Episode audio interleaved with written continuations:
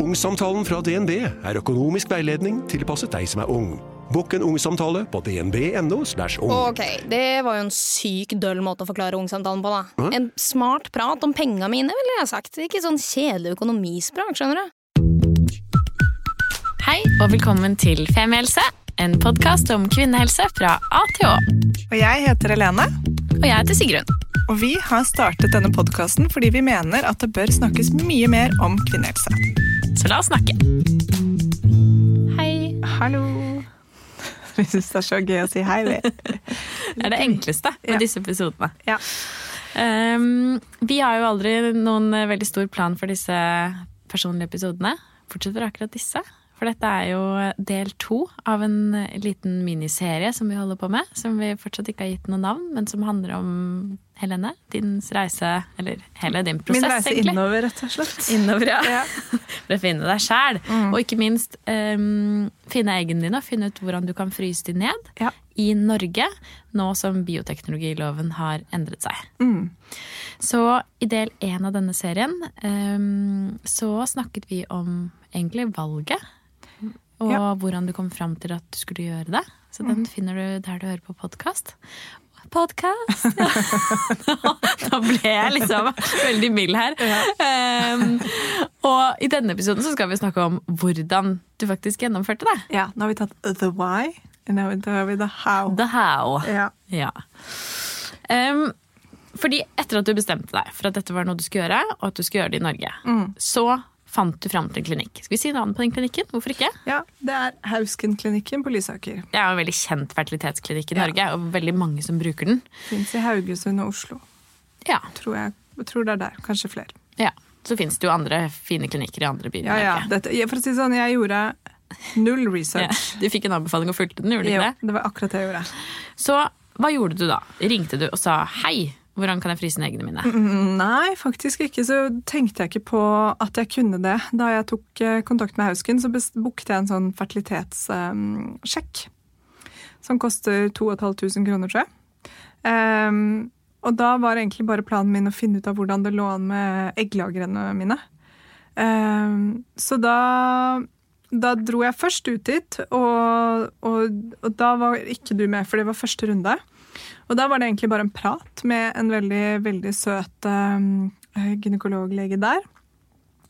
Om alt mulig, med en ordentlig nøye nøye eh, gynekologisk undersøkelse. Og, og virkelig en sånn derre Hva så hun på da? Nei, da så hun på altså, livmoren min, hvordan den så ut, og eggstokkene, og hvordan det så ut med antall egg. Med en innvendig ultralyd. Ja.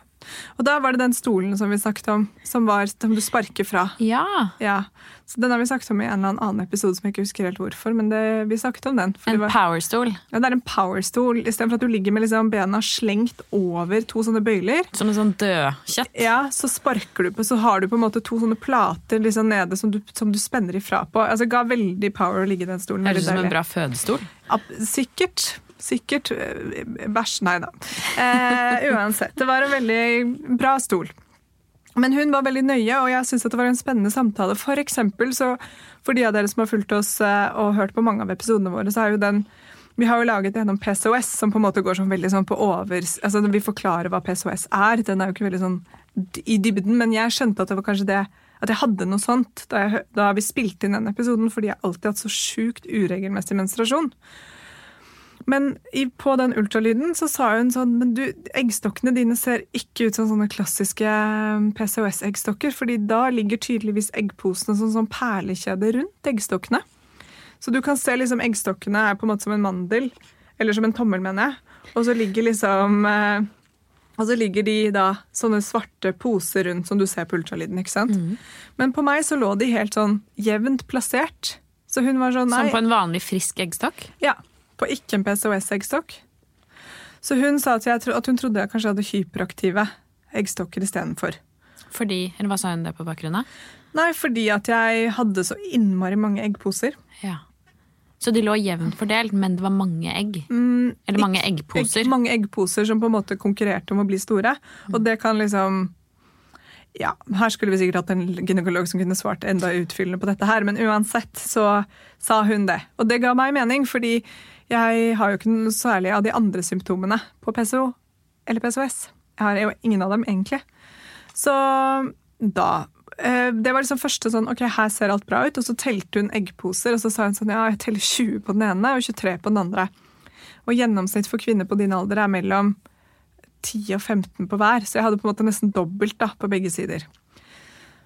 Men så Og så viste hun deg en graf, gjorde hun ikke det?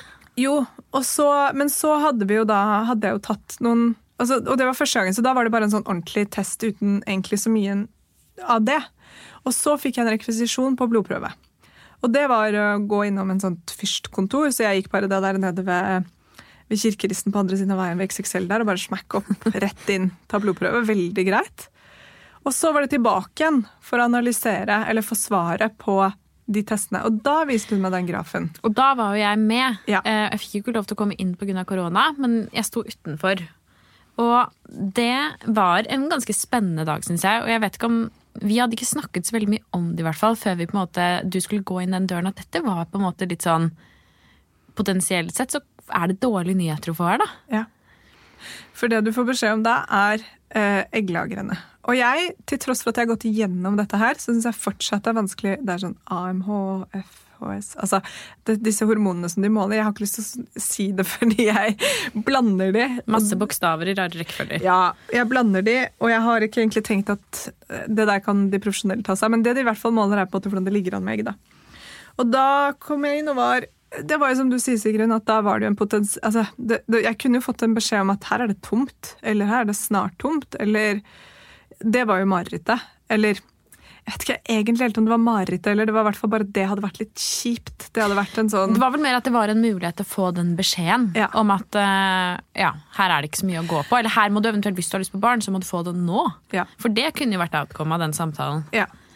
Og da, uh, da jeg var der, så sa jeg jo, og det tror jeg vel egentlig mm, ja, Uansett så sa jeg da at mitt mål med dette her er å finne ut av for jeg har lyst til å dra til Göteborg og fryse ned egg. Og da sa hun men det trenger du ikke, du kan gjøre det her. Og så sa jeg jeg trodde ikke dere var klare i Norge ennå. Hun bare jo, vi er klare etter jul.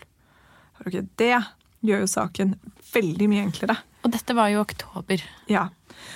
For da var egentlig min I hodet mitt da så var jeg sånn OK, ta fertilitetstesten, se hvordan ting ligger an, så finne ut av dette med Göteborg og få det til å klaffe med korona og bla, bla, bla. En eller annen gang etter jul, mest sannsynlig. Fordi jeg trodde ikke at jeg kunne greie å rekke det så fort uansett. Men hvert fall så da jeg fikk den beskjeden om at eh, vi gønner på her i Norge, så ble jeg jo kjempeglad og veldig letta. Og bare fy fader, så deilig. Føltes ut som en litt enklere valg da. Altså en litt mindre operasjon, på en måte. Absolutt, og jeg hadde jo sett for meg sånn at jeg måtte få sånn UPS-bud til å bære over de eggene over grensa senere. Og hvis jeg liksom skulle flytte dem fra Kjøre de over en gammel Fiat. Liksom. ja, ja, bytte liksom fra høyre til venstrekjøring og alt det som du ser i sånne gamle svenske filmer. Nei, det var mye som jeg tenkte gjorde det veldig mye lettere med bare å oppbevare det i det landet jeg faktisk bor. Um, nei, og så kom jeg og er ganske sånn spent da, på den testen, og så får jeg beskjed om at jeg har mye mer egg enn det som er vanlig for kvinner på min alder.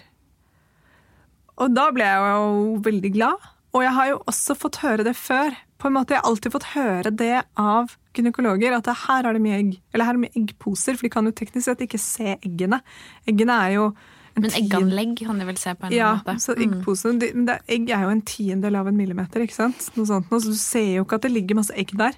Det har vært det gøyeste, er å prate med voksne mennesker om denne prosessen, hvor alle er sånn Er eggene så store? Jeg bare nei, det er eggposene. Altså, det er ikke det er ikke, nei, de er ikke like store som en liten golfball når de holder på å modnes, og så faller de ned. Altså sånn, Du kan ikke slippe ut et egg. Nei. Det er, folk kan Det er sånn hønevirksomhet, bare inni mennesker. Yes. Mm. Nei, så, så da ble jeg veldig glad, men da sa hun også at det er et lite forbehold her, og det er at um, mange, altså hvis folk som produserer, har mye egg, kan også ha dårlig kvalitet på eggene. Men så er det, sånn, det er kanskje 15 eller noe sånt som har det. Så det, ikke, det trenger ikke å være deg.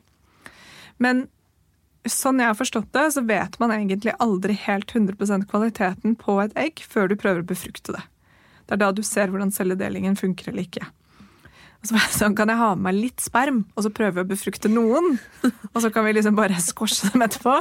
Så sa hun nei, det er ikke lov. Og så jeg hvis det, dette er mitt egg, og noen som er villig til å donere prøvesperm til meg Men nei, det var ikke lov. Du kan sette det inn, og så kan du bare ta en abort alene. Ja, ja, ja, ikke sant? Da vet jeg at det funker. Easy-peasy. Easy-peasy. Det er ikke noe vanskelig forskjell i det hele tatt.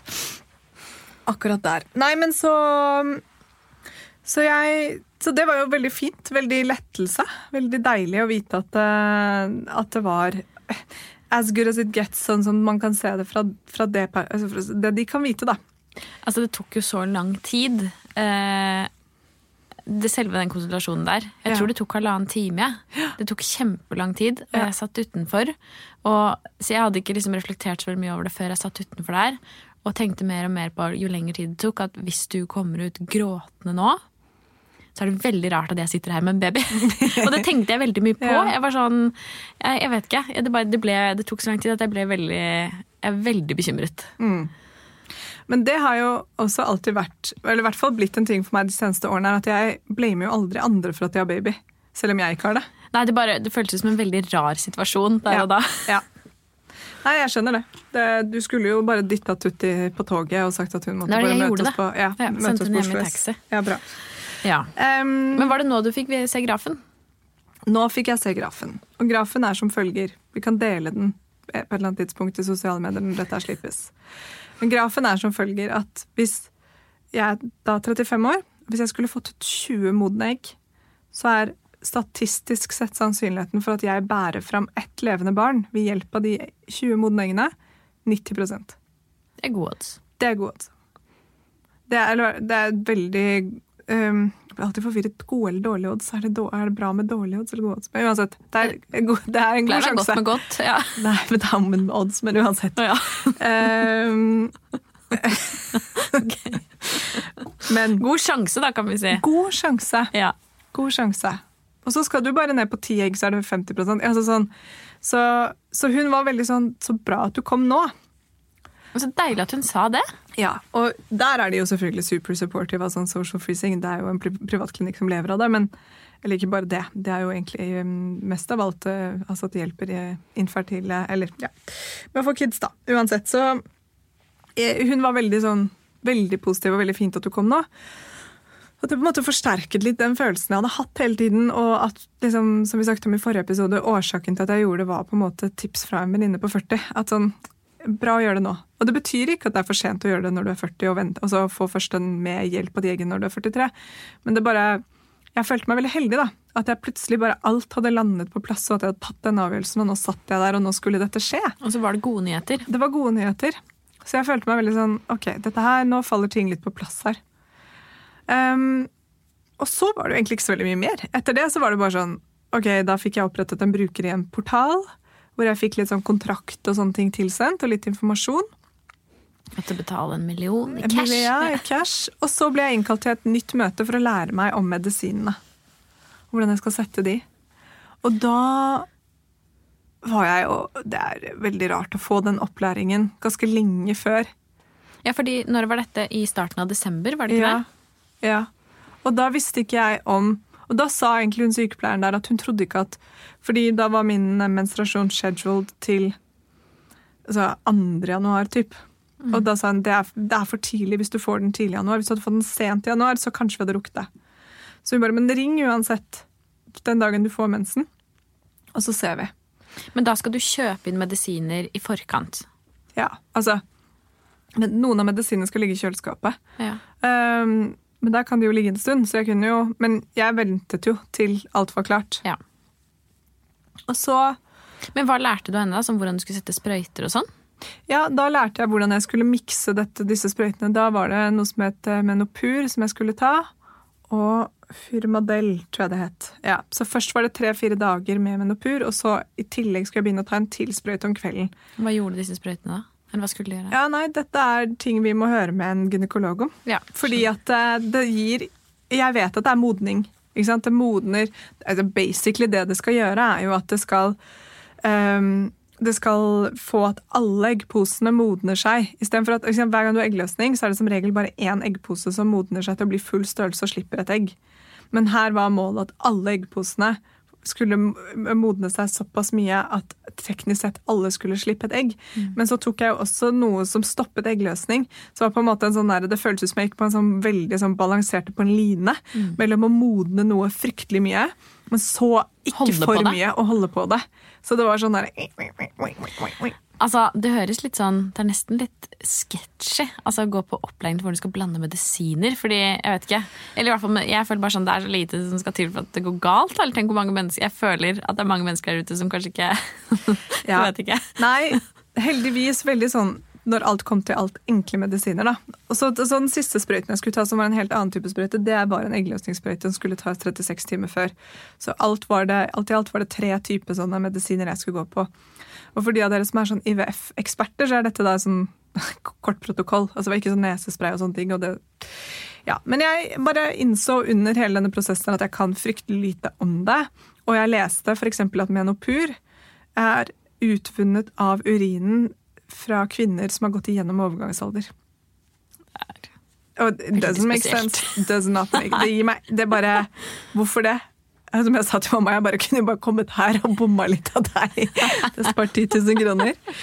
Nei, det gir liksom ikke noe mening. Men, så jeg skal ikke begynne å uttale meg, fordi jeg har lest pakningsvedleggene 100 ganger, men det er så kompliserte ting man er inne og styrer med, at til og med jeg, da, for å si det sånn, som driver denne podkasten her, Og har snakket timevis med disse gynekologene. ja, syns at dette var sånn Det er science for meg å forstå det.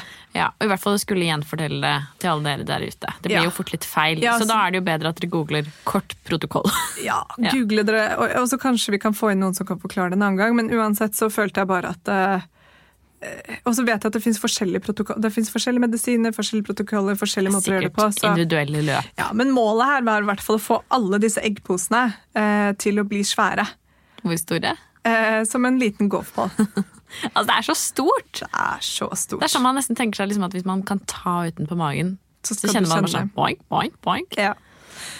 Så, og så kom, jo, kom og gikk jula, og så kom januar. Og så um, plutselig så kjente jeg at jeg murret veldig i magen, og at jeg nå kom til å få mensen. Når var det, da? Det var første uken etter jul. Så det var vel Det var tidlig januar. Det var tidlig januar, ja. Men det var mer sånn 6.-7. januar Ja. enn det var andre. Ja, for det var, Vi begynte jo på jobb igjen mandag 4., og den onsdagen så blødde jeg litt. Og da ringte jeg rett til eh, klinikken, og så sa de nei, men vi er klare. Halleluja! Halleluja. Jeg bare, Hæ, er dere klare? Shit, liksom. Da var ikke jeg klar. Så jeg løp ut til lunsjen og, og fikk med meg en venninne til å gå opp på Alexander Kiellands plass på apoteket der, for da hadde jeg sjekket på nett, og der hadde de all av medisinen. Så jeg løp opp der med mastercardet og kjøpte medisin for 10 000 kroner. Og bare OK, da er vi i gang. Um, og så dagen etterpå så ble det ingenting. Og ble det Så ingenting kroppen bare fucka med deg? 100% Tis, tis, tis. og ble det ingenting på fredagen. Så Men på fredagen så kom det bitte litt mer, for da var jeg på en løpetur. Uh, og Så du fikk kom, rista ut litt til? da rista jeg på en måte litt ut om morgenen. Og så ringte jeg klinikken og bare til hva er liksom kriteriene her for ordentlig blødning. Og da hadde jeg jo satt opp at jeg skulle begynne å ta første sprøyte torsdag, og jeg hadde jo ikke Og da var de sånn, da sa de du skal ha en hel dag med friskt blod. ikke sant? Så hvis du begynner å blø liksom litt på onsdag, så skal hele torsdagen være en vanlig blødningsdag med friskt rødt blod. Da kan du sette en sprøyte den kvelden. Så da ventet jeg, og på hele lørdagen da blødde jeg ordentlig. Så, men den menstruasjonen i seg selv var kjemperar. Jeg var helt, helt ferdigblødd mandag. Oi, så kort. Og jeg pleier å ha lange menstruasjoner, så jeg skjønte egentlig ingenting av hva som skjedde. Så jeg ble jo Og der er det det er så mange tanker som kverner. Hva om dette ikke egentlig var en mensen? Hva om jeg driver og tar masse dyre, vonde hormoner nå, og så er det stem, Altså, jeg har fucka det helt til. Det Føles jo veldig viktig, da. Det føles kjempeviktig. Men som jeg også har snakket med en sykepleier om, sånn, til tross for at jeg er en aktiv app-loggfører av menstruasjon og følger med på den, og sånn, så kan det jo hende at jeg av og til har hatt sånne type menstruasjoner som dette uten at jeg har reflektert så veldig hardt over det. fordi da har jeg sikkert bare vært fornøyd med at jeg ikke har blødd så mye de første dagene. og At jeg, blødde, altså, at jeg ikke har tenkt så hardt på det. Og det var jo hun helt enig i. Hun bare sånn ja, nei, men Alle som holder på med en sånn prosess-ish som det du gjør nå, er jo plutselig blir jo veldig overvåker på egen kropp, som er uvant. Så, men så på lørdagen så var det første sprøyte skulle settes på kvelden. Og da var jeg så nervøs for å sette den sprøyten. Og da, men da hadde jeg skikkelig rituale. Da låste jeg meg liksom inn på badet. Sånn at ikke Felix skulle komme inn. Ja, Katten din. ja. Eh, Han fikk ikke være der. Og låste meg inn der og satte på sånn deilig chill shantemusikk. Litt sånn der eh, meditasjonsmusikk.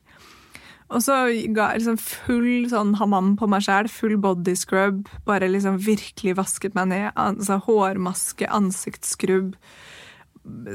Alt bare sånn Som man gjør av og til, men nå gjør jeg det sånn Jeg følte sånn jeg tok sånn skikkelig, skikkelig, skikkelig spa-avdeling på meg selv. Og på med liksom rene Helt sånn rene klær. Og var veldig sånn Følte meg veldig ren. Og veldig klar. Og så leste jeg en gang til liksom hele bruksanvisningen på hvordan dette skulle skje, og så er det ekstremt lett. Du skal ta det er en liten sånn ampull hvor det er noe pulver nedi, og så skal man sprøyte to sprøyter som følger med, som er ferdigutfylte, ned i den. Og det som er oppi den ampullen, blir på en måte medisinen du skal bruke i en del dager framover. Og den kan stå ute på kjøkkenbenken uten at det er noe farlig. Så jeg greide det uten å ødelegge noe, som jeg var veldig fornøyd med. Sølte ikke. Nei, sølte ikke, mistet ikke noe i bakken, knakk ikke noe nål oppi ampullen. Ingenting. Og så var det inn på badet, da, og, og, og sette første sprøyte. Hvor skal den settes? I magen. I magefettet. I magefettet. Så da tar man tak i magefettet, og så kvinner man seg så mye opp som man bare kan, og så setter man en sprøyte på seg sjøl. Tits up og needle in. Yes. Langt inn, eller?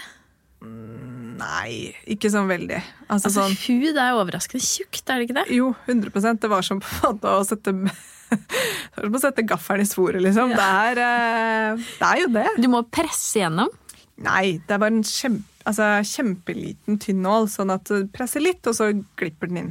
Men det føles ikke veldig rart å skulle liksom gjøre det på seg selv? Det er det som er. Det føles så utrolig ulogisk. Det er Hadde noen andre skulle sette den sprøyten på meg, så hadde jeg ikke liksom reflektert en, altså, noe over det. Men det å skulle gjøre det på seg selv er så rart. Er så ulogisk. Påføre seg selv smerte.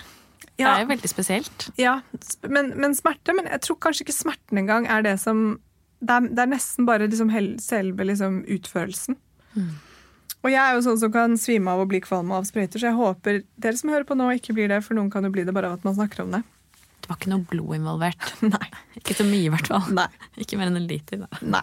Det var bare en halvliter på gulvet. Nei, men så, og det går ganske fort, så den svir bitte litt. Den svir litt mens du presser inn. Um, men det i seg selv er jeg over på altså, Du kan ikke presse så hardt da med et par minutter, liksom. Og så er det, var det ferdig.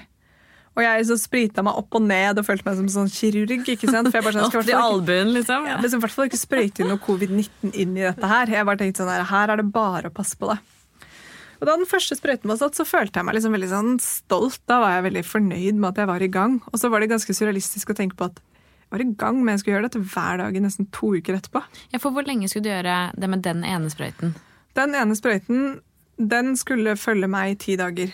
Og Ja. så de siste seks dagene eller noe sånt, så var det en til sprøyte som kom om morgenen. Ja, Så var det én om morgenen og én om kvelden. Så ja, fem dagene, fem-seks dagene, noe sånt noe. Altså, det å liksom huske på dette og gjennomføre altså Ble du liksom mentalt sliten av det løpet? Jeg følte at jeg var ekstremt i en boble. Jeg følte at jeg levde et veldig spesielt liv de ti dagene. Ja. Fordi klokken åtte om morgenen skulle jeg sette den, og klokken åtte om kvelden ish, da, det var da jeg valgte å sette den andre, for jeg skulle prøve å sette den til samme tidspunkt. Og så følte jeg at alt handlet om det. Og at jeg var veldig sånn var på bivirkninger og sånne ting. Og jeg var sikker på at søndag kveld så hadde jeg masse bivirkninger, for da gråt jeg masse av ting jeg så på TV. Men da hadde jeg tatt én sprøyte. og det var, ikke, det var ikke noe problem. Jeg tror jeg bare var litt sånn emosjonell, rett og slett. Ja. For, men jeg føler også at du var ganske forberedt på å, at denne prosessen skulle være ganske heftig. Det som er, er at jeg, tenkt, jeg tenkte mye på det underveis. At jeg hadde vært veldig forberedt på og gruet meg veldig til den emosjonelle rollercoasteren jeg skulle få lov til å oppleve alene. Og fysiske ja. Ja. Og, og, og liksom at jeg skulle, ja, og fysiske etter hvert, ikke sant? At jeg skulle få oppleve det liksom alene på lockdown, eller i lockdown, og at det gruer jeg meg skikkelig til. Og så tenkte jeg sånn, for å liksom si det da, jeg fikk ingen emosjonelle påvirkninger, bortsett fra at jeg ble dritkåt. altså, det var akkurat som at jeg ble på mitt mest fertile. Men du ble jo sånn- det. Jeg ble, ja, selvfølgelig. Altså, det ble jo akkurat det jeg ble. Veldig mange, Det er jo kjempevanlig å bli kåt når man har eggløsning. Sant? Og det er jo bare kroppen som sier sånn I'm ready. Ja, så jeg ble helt sånn Det var på en måte akkurat som at jeg hadde forventet at jeg skulle en tur på jeg vet ikke, At jeg måtte dra på en matbutikk på Rema 1000 og handle inn Toro posesuppe, men så endte jeg opp med å dra på liksom Kondomeriet? Nei. Ja, men liksom på Le Benjamin og spise femretters og drikke champagne. Sånn føltes livet. At det var liksom sånn, Du skal gjøre noe ekstremt kjedelig som kommer til å være tøft, men så ble det bare en fest. Sånn, ja, faktisk en fest. Og fordi fra den lørdagen hvor jeg tok første sprøyte, og til ja, helgen etter, lørdag-søndagen etter, så var jeg bare top notch fornøyd med livet. Og jeg var glad og blid og kåt. Og, og, jeg, og, og, til tross for at jeg egentlig da hadde eggposer som utvidet seg veldig, så, så var jeg ikke noe oppblåst. Jeg kunne gå med liksom helt sånn stram kjole eller uh, en liten body Nei. Naken. Naken. Nei, men jeg, jeg, kunne gå med hva som helst. Det, det var ikke noe, ikke noe problem. Altså, sånn jeg, jeg, alt det jeg hadde lagt fram av sånne der, løse tights og sånn trengte jeg på en måte ikke. Jeg hadde ikke lagt det fram. Jeg tenkte at det kommer jeg til å gå med. I fødebagen din? I fødebagen min. Eller sånn bare kasjmirbukser. Men det var jo en helt annen Helene liksom, dagen før du begynte på dette prosjektet, og i hvert fall forrige helg, da, hvor du var liksom i midten av protokollen. For da var det jo virkelig on fire. Altså, jeg mener sånn altså, Jeg har jo med, litt mer igjen av medisin. Jeg vurderer å bare sette den sånn før jeg skal på fest. Ja, gjør det. Som en liten sånn party drug. Hvis Nei. du skal på jobbintervju igjen. ja, faktisk. Men det var helt sånn der, eh, merkelig, fordi dette var jo akkurat før second, eh, eller tolvte lockdown nå. Hvor jeg liksom Jeg, følte, jeg var sånn og på, spiste frokost alene ute på en, eh, en, en sånn, ja, på Dapper. da da var det liksom plutselig en fyr som kom bort til meg og skal sjekke meg opp mens jeg sitter alene og spiser frokost. Som ikke egentlig er sånn Det er ikke en så big deal, men det er ganske uvanlig i Oslo at du sitter midt i et lokale, og så er det liksom bare en sånn mann som stiller seg opp ved siden av meg. Og jeg følte at det var sånn, Uansett hvor jeg gikk, så følte jeg bare sånn at menn kunne se at her er det en som bærer på veldig mye egg, som snart er klare. Og de luktet det på meg. Så jeg var sånn ja, jeg bare følte Overalt hvor jeg gikk, så var det liksom sånn, sånn som smilte og liksom lente seg liksom etter meg. og jeg var sånn, det, og det føles jo helt unaturlig ut etter liksom et år med lockdown og kjærlighetssorg og korona. alt mulig, Så var det bare sånn OK, vi snakker dette, nå snakker vi. Nå går det veien her. Nå går det veien her. Men jeg reflekterte jo, ikke sant, ergo at det ble liksom så motsatt av det jeg trodde. Så reflekterte jeg veldig mye hvorfor ble det og en av grunnene er jo alle andre som er idioter. For, nei da, men alle jeg har snakket med og fortalt at jeg skal gjøre det, har jo møtt meg med Åh, ja, da blir det spennende å se hvordan de hormonene påvirker deg. Det er nesten ingen som har sagt sånn ja ja, jeg ble ikke så veldig påvirket, eller ja ja, jeg ble bare kåt, eller ja ja, det er ikke så farlig. Jeg tror folk har på Av de som har gått gjennom det? Ja, ikke bare Mest av alt folk som ikke har gått gjennom det. Jeg, må si at jeg møtte deg med det kan hende at dette går helt fint. Du møtte meg med det, men da var jeg allerede Du møtte meg med det, men da var jeg allerede sur. Ja. Og allerede sikker på at det ikke kom til å gå fint, så da var det nei, det var, sånn, perler for svin. Ja da, bla da. Men du er på samme måte som mente at det gikk bra da jeg hadde knukket armen, at det kunne gå greit hvis vi bare tok T-banen fort og gikk på ski videre. Prøv ikke å tenke så mye på det, som jeg ofte sier. Ja, Du har bare brukt den litt. Ja, okay. Jeg kommer til å bli den moren som hvor barna mine kommer til å få blindtarmbetennelse, så kommer jeg til å være sånn Gå ut og fise. Ja. Du spiste ganske mye til middag, det er sikkert det. Ja, nei, så, Men varte denne følelsen Helene, helt fram til um, the big push? Um, ja og nei. Ehm, de siste dagene, så i hvert fall etter at jeg hadde satt den eggløsningssprøyten, så begynte jeg å kjenne at det var ganske sånn eh, tungt å gå. At det rett og slett at jeg følte meg det ekle ordet buktung. Det er et kjempeekkelt ord. Jeg vet det. Jeg ser litt for meg sånn fiskema... Altså sånn ja, full av rogn, liksom. Ja, det. Men det var, det var, jo litt sånn jeg følte at det var liksom tungt å gå i trapper. Ja, Var det litt sånn wobbly? Ja. Litt sånn andregange? Ja. ja. Men fortsatt ganske fornøyd og happy, og bortsett fra det. Men jeg gikk litt inn i sånn Men nå er det januar, og det er hele Oslo og Follo har stengt ned. Så jeg følte på en måte at jeg kunne like godt bare ligge på sofaen under et pledd og se på TV. Og jeg hadde fått beskjed om, heldigvis, da, å ikke trene, for jeg var jo på vei ut på løpetur. Men så fikk jeg eh, Mandag morgen så var jeg på vei ut på løpetur. Og så hadde jeg kontroll senere på dagen for å se om vi var good to go for uttak. Og da sa hun sånn Ja, nei, du må jo fortsette å ikke løpe eller hoppe eller gjøre noe sånn cross-training en stund etterpå, fordi du har så store eggstokker nå at de kan vri seg. Og jeg bare Det er det ingen som har sagt til meg. God info å få, fordi det er jo faktisk noe du driver med for tiden. Ja, Så det var egentlig bare veldig sånn at jeg fulgte magefølelsen min på at jeg kjente meg for tung til at jeg ville dra på en skikkelig lang løpetur. Så veldig glad for at jeg ikke gjorde det. Det kunne gått helt fint, men jeg er glad for at jeg ikke gjorde det. Um, så ja. Men kvelden før hadde du en liten dipp. Det, Ja, var, vel, var det var vel søndag kveld?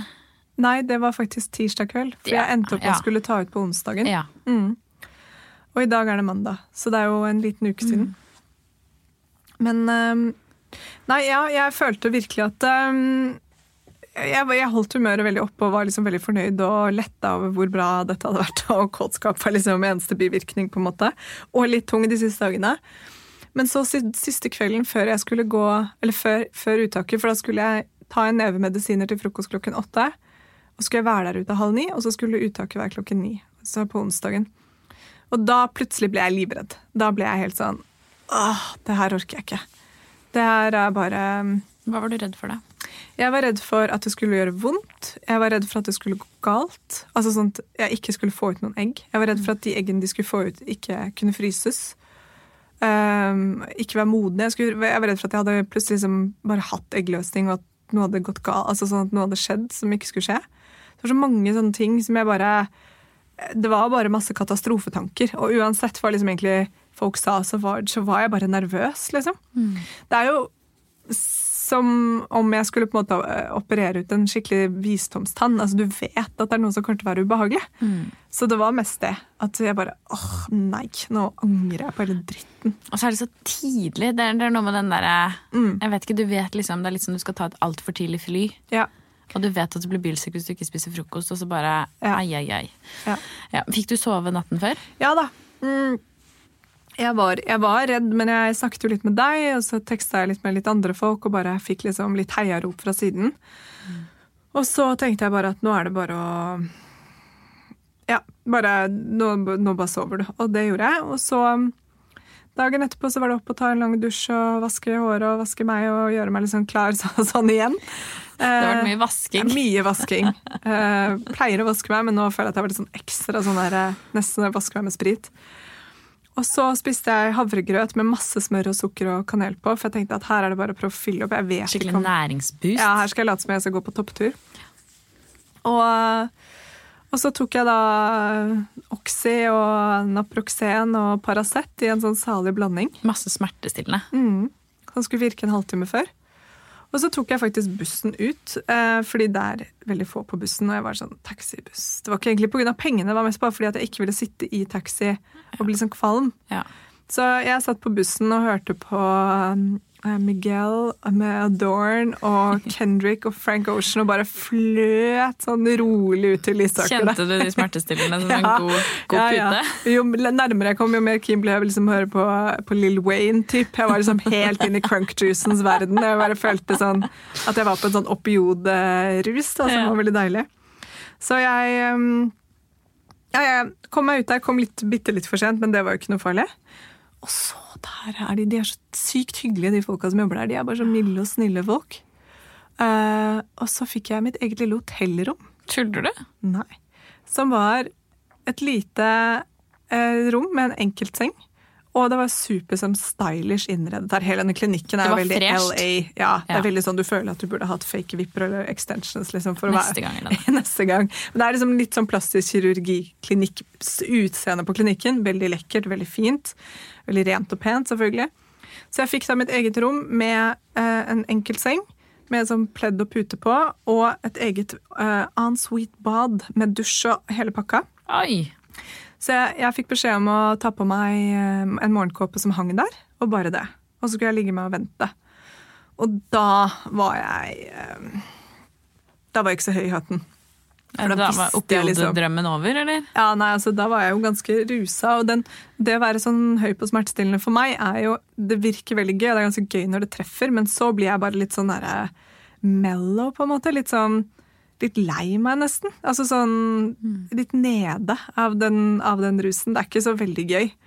Men den er jo der ikke for at jeg skal ha det gøy, den er jo der for at jeg ikke skal ha det Du er ikke faktisk skuffa, selv om det høres sånn ut? Nei.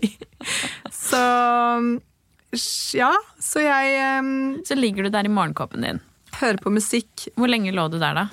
Nei, Da lå jeg der i 20 minutter, da. Ganske lenge å ligge Ja. sånn og kjenne på. Bare. Ja. Prøvde å puste og hvile. Og så kom da en superhyggelig sykepleier og henta meg, og inn på da et sånt ordentlig sånn operasjonssalrom, men med en gynekologstol. Og det var sånn vanlig med bøyle, da, så da ble jeg litt skuffa. Um, og så oppi da denne stolen. Det sånn ganske effektivt, egentlig. Det var ikke sånn masse venting da. Da var det opp der. Og så fikk jeg hilse på legen hadde jeg møtt før. Sykepleieren hadde jeg møtt før. Og så fikk jeg hilse på embryologen. Hun skulle stå inn på laben, som det var et, en luke inntil, og telle egg som ble på en måte sendt inn til henne i ett og ett reagensrør, eller eggvæske med egg oppi, forhåpentligvis, da. Og så mm, skrev jeg opp, og så går de inn med en sånn klassisk sånn probe som de bruker på innvendig ultralyd. Men denne gangen så var det med en sånn metall, lite metallrør på, som hun var sånn, dette kan gjøre litt vondt, men jeg skal være forsiktig. Det kjente jeg ingenting av. Da var veldig forsiktig. Hva skulle det metallrøret gjøre? Det var inn på, gjennom det hun skulle føre nåla. Ja. Så hvis du er nå en sensitiv person som hører på dette, og som syns det er ekkelt å høre om nåler og sånne ting, da ville jeg bare spolt liksom, noen minutter framover nå. For nå snakker vi om det. Se, altså, du hadde ikke noe skjerm foran deg? Altså, du så Jo. alt? Så jeg hadde da en liten skjerm på venstre og en stor skjerm på høyre side, hvor jeg kunne se da, denne ultralyden. Ja. Men, men du hadde ikke noe liksom klede? Nei, nei. Altså Som på et keisersnitt, på en måte? Nei, Du så hva som skjedde? ja. Ja. Så så du hadde skjerm også, ja? Så ja, gøy. fordi at hun Altså, Gynekologen må jo se hva hun gjør. Ja, Så det var jo samme skjermene jeg så på. kult. Så da eh, så vi jo Altså, på testen, eller på den checkupen på mandag, så hadde de jo sett at alt så veldig bra ut, at dette kom til å, forhåpentligvis gå bra. Mm. Men nå var de enda større, disse eggposene og eggstokkene mine. Hvor mange var det? Nei, da første gang hun telte, så var det vel sånn jeg vet ikke. Men det var ganske mange på hver side. Vi te brukte ikke tid på å telle da. Nei. Hun hadde telt før, og da hadde hun kommet til 13 på den ene og 20 på den andre. Ja. Så er det liksom sånn. Ja. Men de teller jo, og det er som på en måte det å telle eggposer i en, um, på en eggstokk er som å telle en drueklase. Altså, så, fordi de ligger jo liksom inni hverandre og bak Ja. hverandre og sånn, så det er ikke så Det er jo en exact science for dem, men ja. Ja. Men da ligger du der, og så har de tatt inn ultralydtingen Mm. og den sprøytekanalen. Og da fikk jeg først på høyre side en lokalbedøvelse i skjedeveggen, helt øverst. Så en sprøyte gjennom Ja, den, Ja. ja. så, sånn jeg skjønte det gjennom den sprøyta. Innvendig, ja. Innvendig, helt øverst i skjedeveggen. Mm, Og den var en sånn, denne her, da kommer, du- kan du kjenne et stikk og litt press, men ja. Og det, det gjorde jeg, men det var det er som kjede, altså, Skjedeveggen er jo en robust greie. Den skal jo tåle en trøkk. Så den opplevdes ikke for meg som veldig sensitiv. Altså Hvis du kjenner inni deg selv og du liksom pirker borti med neglen, så er jo ikke det Det er jo ikke som å gjøre det på innsiden av armen. på en måte. Når du klør deg litt inn i skjeden, mener du? Ja, Ja. Det er jo en annen form for hud. ja. Litt sånn tøffere hud. Så det syns ikke jeg gjorde spesielt vondt. Og så kunne jeg se liksom på ultralyden hvor den væsken ble sprutet ut. Shit. Og her er jeg jo i relativt godt mot, ganske høy på adrenalin, ganske sånn gira. Ja. Og så kan jeg også se da, da går hun, når hun har gjort det, så venter hun liksom noen sekunder. Kanskje lengre, kanskje minutt, da. Og så går hun inn med en sånn lang plast, bøyelig plastsprøyte. Altså sprøytespiss, Ja. som, hun, som er lang og ser liksom brutal ut, men ja. Som hun da går inn gjennom der hvor hun har på en måte satt denne lokalbedøvelsen og laget da et lite snitt. da. Mm. Og så går hun inn i hver enkelt av eggposene og trekker ut væsken som er inni der, for det er et vakuum i denne, denne ja. Hun tar egentlig hull på posen. ja, Ja. suger ut det som er innvendig. Og håper at det ikke bare er væske, men også et egg inni der. Ja. Og all denne væsken går da ned i fra, For én og én går ned i ett og ett reagensrør, sånn jeg opplevde det. Ja. Og så blir det liksom fortløpende sendt inn til laben. Og så roper de tilbake 'egg', 'egg' for hvert egg de finner. Og så Kjente du noe av dette? Ja. Og jo lengre på en måte, hva skal jeg si, utover fra, fra midten de går for å gå inn i eggene, jo mindre bedøvet er jo jeg. For Ja. den lokalbedøvelsen kommer jo fra skjeden og liksom sprer seg utover. Så det var noen ganske ubehagelige punkter der hvor jeg kjente sånn Er det sånn at du stopper å puste, på en måte? Hvis du mener? Altså sånn, øh. Ja, Den og der så må man slappe av i korsryggen og slappe av i kroppen og huske å puste. Og jeg hadde en sånn liten ball jeg lå og klemte på. Og bare virkelig trekke pusten og være flink på det. Og det var de veldig sånn nøye på å minne meg på også. Var det noen som sto og passet på deg, eller var de bare liksom Nei, nei, Sykepleieren satt ved siden av meg og passet Ja. veldig på meg. følte Jeg Jeg følte også at gynekologen gjorde det. For vanligvis så kan man vel ha med seg noen på dette? Ja, det Ja. kan du sikkert. Um, og så så jeg jo liksom, Det var jo veldig gøy å se hvordan den nålen gikk inn i hver pose og trakk det ut, liksom. Shit, Tenk at bare sånn, Det er jo så smått. Ja. Absurd. ja. Så da gjorde de den ene siden først. Ja. Og så var det da andre siden, og da jeg, og da kjente jeg ikke bedøvelsen i det hele tatt. Nei. Men den andre siden, da begynte jeg å bli skikkelig dårlig. Og da så de på meg at nå holdt jeg på å svime av. Fordi, og da var hun så søt, hun gynekologen. Hun bare sa sånn Ja, jeg tror at dette er fordi Eller det som er, er at du har sikkert hatt veldig mye adrenalin. Du har gruet deg litt og vært veldig spent på dette. Og så midt i nå så synker den fordi du på en måte er liksom Det går greit, kanskje? ja, eller antiklimaks eller klimaks eller whatever. Blandet med sterke smertestillende gjør at det er ikke så rart om du føler deg ganske dårlig nå. Så da kjente jeg helt sånn svettetokter, og Ja, nå, nå kaster jeg nå kaster jeg opp og svimer av. Ja. Da gikk de og hentet en iskald klut til meg og tappa meg ned. Ja, for du, Og og du hadde også på deg munnbind, hadde du ikke det? Jo. Og det må ha vært så grusomt. Ja. Da eh, fikk jeg lov til å ta det litt og puste litt. De hadde jo på seg fullt munnbind og verneutstyr, liksom, og det var jo veldig sånn. Men å ligge og puste inni den der kluten Nei, ikke bra. Nei. Så da um, Så da var det ut og hente, og så hørte jeg liksom bare ropte flere og flere egg. Eh, og det var ganske sånn høy stemning. Og så var de sånn Sorry, dette pleier å gå liksom på 10-15 minutter, men du har veldig mange eggposer, så det tar litt tid. Så vi brukte en halvtime. Var ganske lenge, føltes det som, å være inni der. Og jeg ville ikke svime av, fordi jeg tenkte sånn, da må vi begynne på nytt.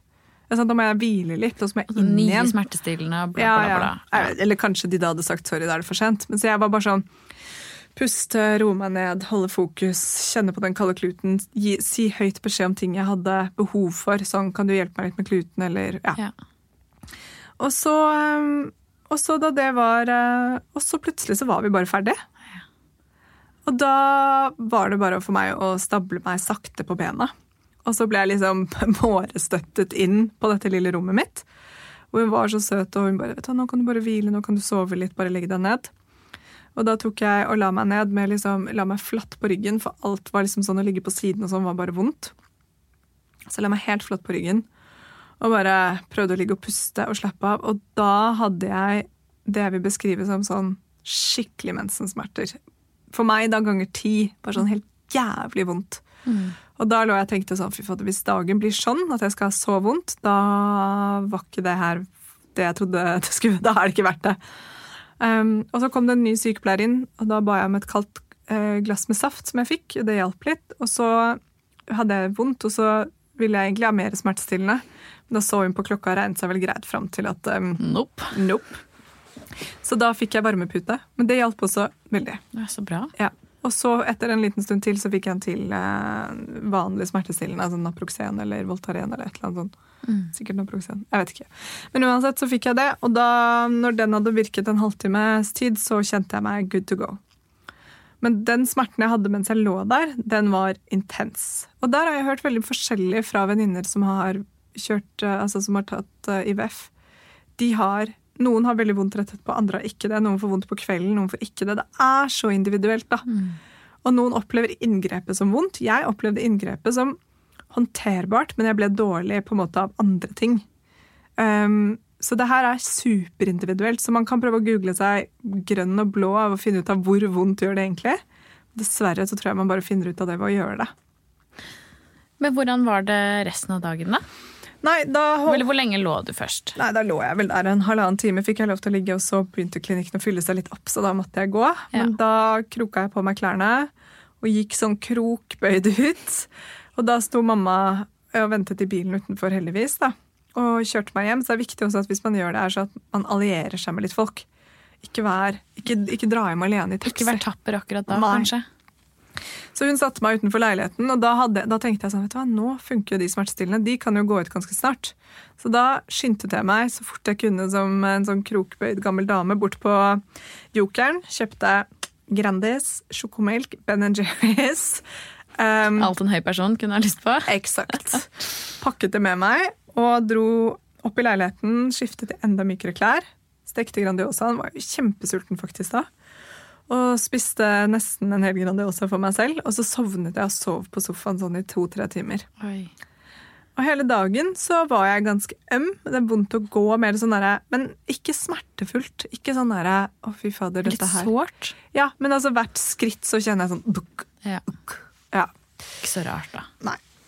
Og så vil jeg si at uh, torsdagen var mye, mye bedre. Ikke de samme Dagen smertene. etter, ja. Hva var du, og du var sykemeldt onsdagen. Onsdagen får man sykemelding, men det er også pga. smertestillende. Ja. Og torsdagen, da? Nei, torsdagen jobbet jeg. Ja. Og det gikk Og fint? fredagen. Ja. Men det er hjemmekontor, da. ikke sant? Det er jo dritdeilig. Kan jo bare sitte i sengen og jobbe det jeg trenger. Mm. Um, og så var det rett og slett at jeg um, Ja, eller så har jeg liksom faktisk blitt mye bedre. Uh, men, men det henger fortsatt i. Ja. Kjenner meg ekstremt stinn. ja. Og den rareste bivirkningen jeg har, som jeg bare ikke kunne forutsett, er at jeg Kåtskapene. Ja, nei, den er gone nå. Den er dessverre helt ferdig. Nå er det helt uinteressant. Eh, den rareste bivirkningen er at jeg, det gjør kjempevondt å måtte tisse. Oh, ja. Så jeg kan ikke gå på så lange turer, og sånn, for hvis jeg får full blære, så må jeg bare skynde meg å tisse. fordi det er akkurat som at det er sånn krangel om plassen der nede. ja, men det er jo sikkert det presset på litt ømme, ømme Mm. Ja. områder. Så jeg har hatt mye mageknip det siste i dag og i går og foregårs, og stinn, sånn stram mage. Så er det sånn, sånn Det er mer magen nå enn at det gjør vondt i livmorområdet. Så, men jeg kan jo avsløre hva som resultatet, da. Ja, det syns jeg. Fordi Hvor lang tid tok det før du fikk høre noe, da? Da sa du jo egg, egg, egg når du lå der. Ja. Og så fikk jeg høre, mens jeg lå inne på det lille rommet, at jeg hadde fått ut 20 egg. Wow! Ja. Og det er helt fantastisk for meg. Jeg er så heldig. Um, 20 egg gjennomsnittlig er vanlig å få ut 8. Det er derfor man ofte anbefaler at man skal gjøre to sånne runder. Men kroppen er jo også unik, da, så det er vel egentlig ikke noe som er vanlig, men gjennomsnittlig er det. Men du fikk jo 20. Jeg fikk 20. Herregud, for Ja. en lettelse. Ja. Og så fikk jo ikke jeg sove særlig godt. Eh, For da ble jeg plutselig dritstressa på hvor mange av de er modne, hvor mange av de ser bra ut, hvor mange kan fryses ned. Og så fikk jeg telefonen dagen etterpå at 18 egg ble frosset ned. Så det er bare sjukt, sjukt, sjukt, sjukt fint. Så da har jeg 18 små, små egg som ligger et eller annet sted, tror jeg, på Lysaker, og hviler. 18 Little Lennys. 18 Little Lennys. Herregud. Så summa summarum, hele utfallet av dette er jo helt nydelig. Og så er det igjen, Så vidt man vet. så vidt man vet, ikke sant? Og så er det igjen liksom kvaliteten på disse når de skal prøve, prøve Hvis jeg noen gang kommer til å prøve å befrukte dem, da, om det er bra eller ikke. Det vet man ikke. Så dette er ingen forsikring, det er ingen garantier. Dette er mer en sånn en, At du kjøper en forsikringspolise, og så håper du at du slipper å bruke den, men hvis du bruker den, så håper du i hvert fall at vilkårene dine oppfylles der, da. Men den er jeg er veldig, Nå er jeg veldig fornøyd med at jeg gjorde det. Fordi jeg tenkte sånn, Uansett så lærer jeg noe av det. Hvis jeg ikke har noen egg å ta ut, så lærer jeg det. Hvis alle eggene er rare og ikke kan fryses ned, så vet jeg det. Og nå har vi på en måte snakket gjennom prosessen. Ja. Og så er det jo ikke mange dagene siden Mm. dette ble avsluttet. Dette er jo veldig ferskt, så jeg har litt lyst til at vi faktisk skal avslutte nå. Ja. Og så skal vi snakke sammen igjen om ikke så lenge, eller om en liten stund. Og så er jeg spent på å høre hva du føler om det da. Det høres ut som en god plan. Du er veldig flink til å fortelle, Helene. Ja, nei da, ja, Det er veldig spennende å høre på nytt, det man har hørt før. Så bra. Ja. Uh, håper dere som hører på også syns det var spennende. Og eh, det er jo liksom, Du sier også, Helene, at liksom alt er så unikt, og vi er jo som vanlig ikke helsepersonell. Så um, hvis du har noen måte, spesifikke spørsmål, så er det bedre å rette det til en gynekolog enn å rette det til oss. når Ja, du ja. hører denne episoden. 100 Så um, for eksempel ta kontakt med Hausken eller en annen ja, altså. Jeg kaller jo alt eggposer og små eggting, og, så jeg ikke spør meg. Jeg kan ikke det faglige. Plommen sprakk. Å Plommen nei. sprakk. Um, ja, men vi håper uansett at dere syns at uh, det var fint. Og så uh, kommer mest sannsynligvis en, en del tre om en, en liten stund. Jepp, det gjør det nok. Takk for at dere hørte på. Så bra. Takk for at du forteller, Helene. Vi høres snart. Ha det. Ha det. Tusen takk for at du hørte på podkasten vår. Selv om det forhåpentligvis kommer tydelig frem, så vil vi understreke at vi ikke er helsepersonell. Ja, så Som vanlig, kontakt legen din om du har noen spørsmål, eller om du skal begynne på noen form for behandling. Og har du et tema som du har lyst til at vi skal snakke om, eller noe ris eller ros, så send oss gjerne en melding på Facebook eller på Instagram. Der finner du oss under Femihelse. Og du kan gjerne rate oss på iTunes. Det er skikkelig hyggelig for oss. Ha en fin dag! Ha en kjempefin dag.